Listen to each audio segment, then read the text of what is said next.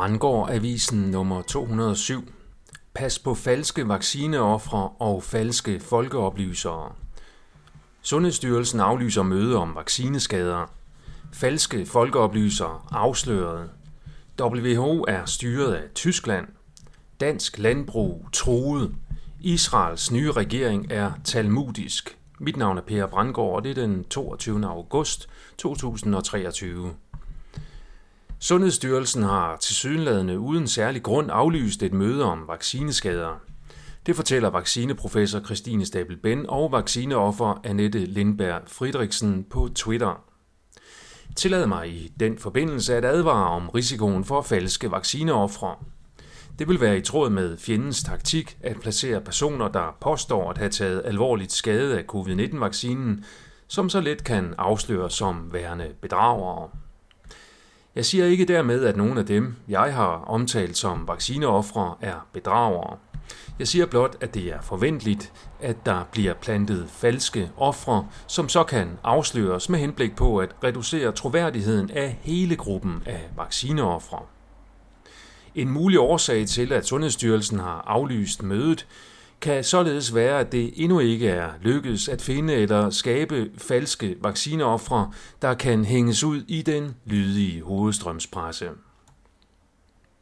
Apropos de dybe lag af bedrag, så har DPL udgivet en interessant artikel på Substack, der argumenterer for, at en række for sandhedssøgere og frihedskæmpere, kendte personer, er kontrolleret opposition eller gatekeepers.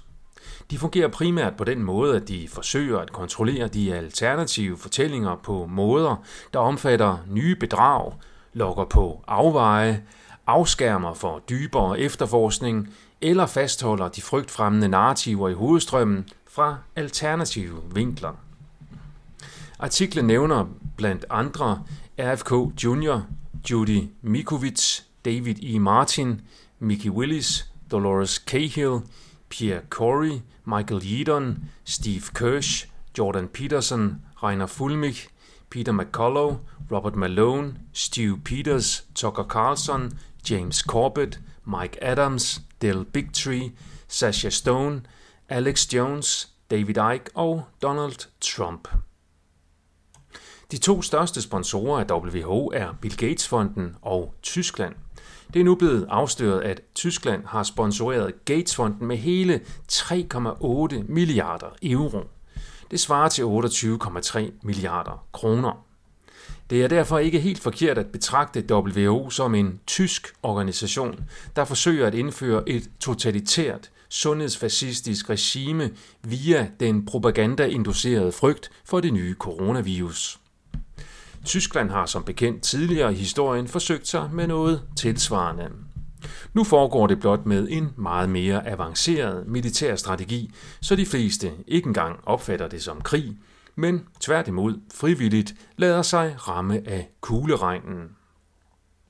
Berlingske har bragt en artikel om en landmand med 550 køer, der vurderer, at de radikales nye klimaudspil er en afvikling af dansk landbrug. The Expose bragte for et par dage siden en artikel, der belyser globalisternes krig mod fødevareforsyningen.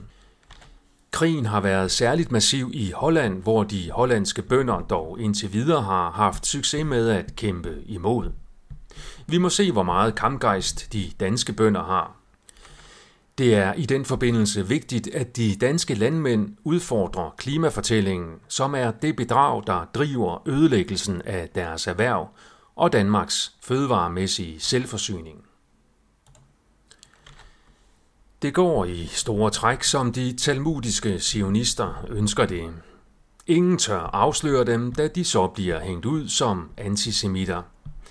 Det kan være årsagen til, at James Corbett afstår fra at efterforske dette lag. Måske ved han, at hvis han gør det, så bliver han på en eller anden måde smadret. Det er den linjemand, som sandhedssøger bare ikke må krydse. Eller også er han, som jeg selv var, ramt af et psykologisk blindspot for jødisk indflydelse i dyb politik, som følge af indlæring om jødeforfølgelse, holocaust etc. Den opfattelse ligger så dybt i ordentlige menneskers psykologiske makeup. Nå, men Israeli News Live har afsløret, at Netanyahus nye regering er en talmudisk koalition. Talmud er den mest sindssyge del af jødedommen, hvor vi finder både pædofili og fryd over drabet på Jesus Kristus. Talmud får Koranen til at ligne en børnebog. Dette i kombination med, at retssikkerheden er blevet fjernet i Israel, er ekstremt dårligt nyt, ikke blot for ordentlige jøder og israelere, men for hele verdens fremtid.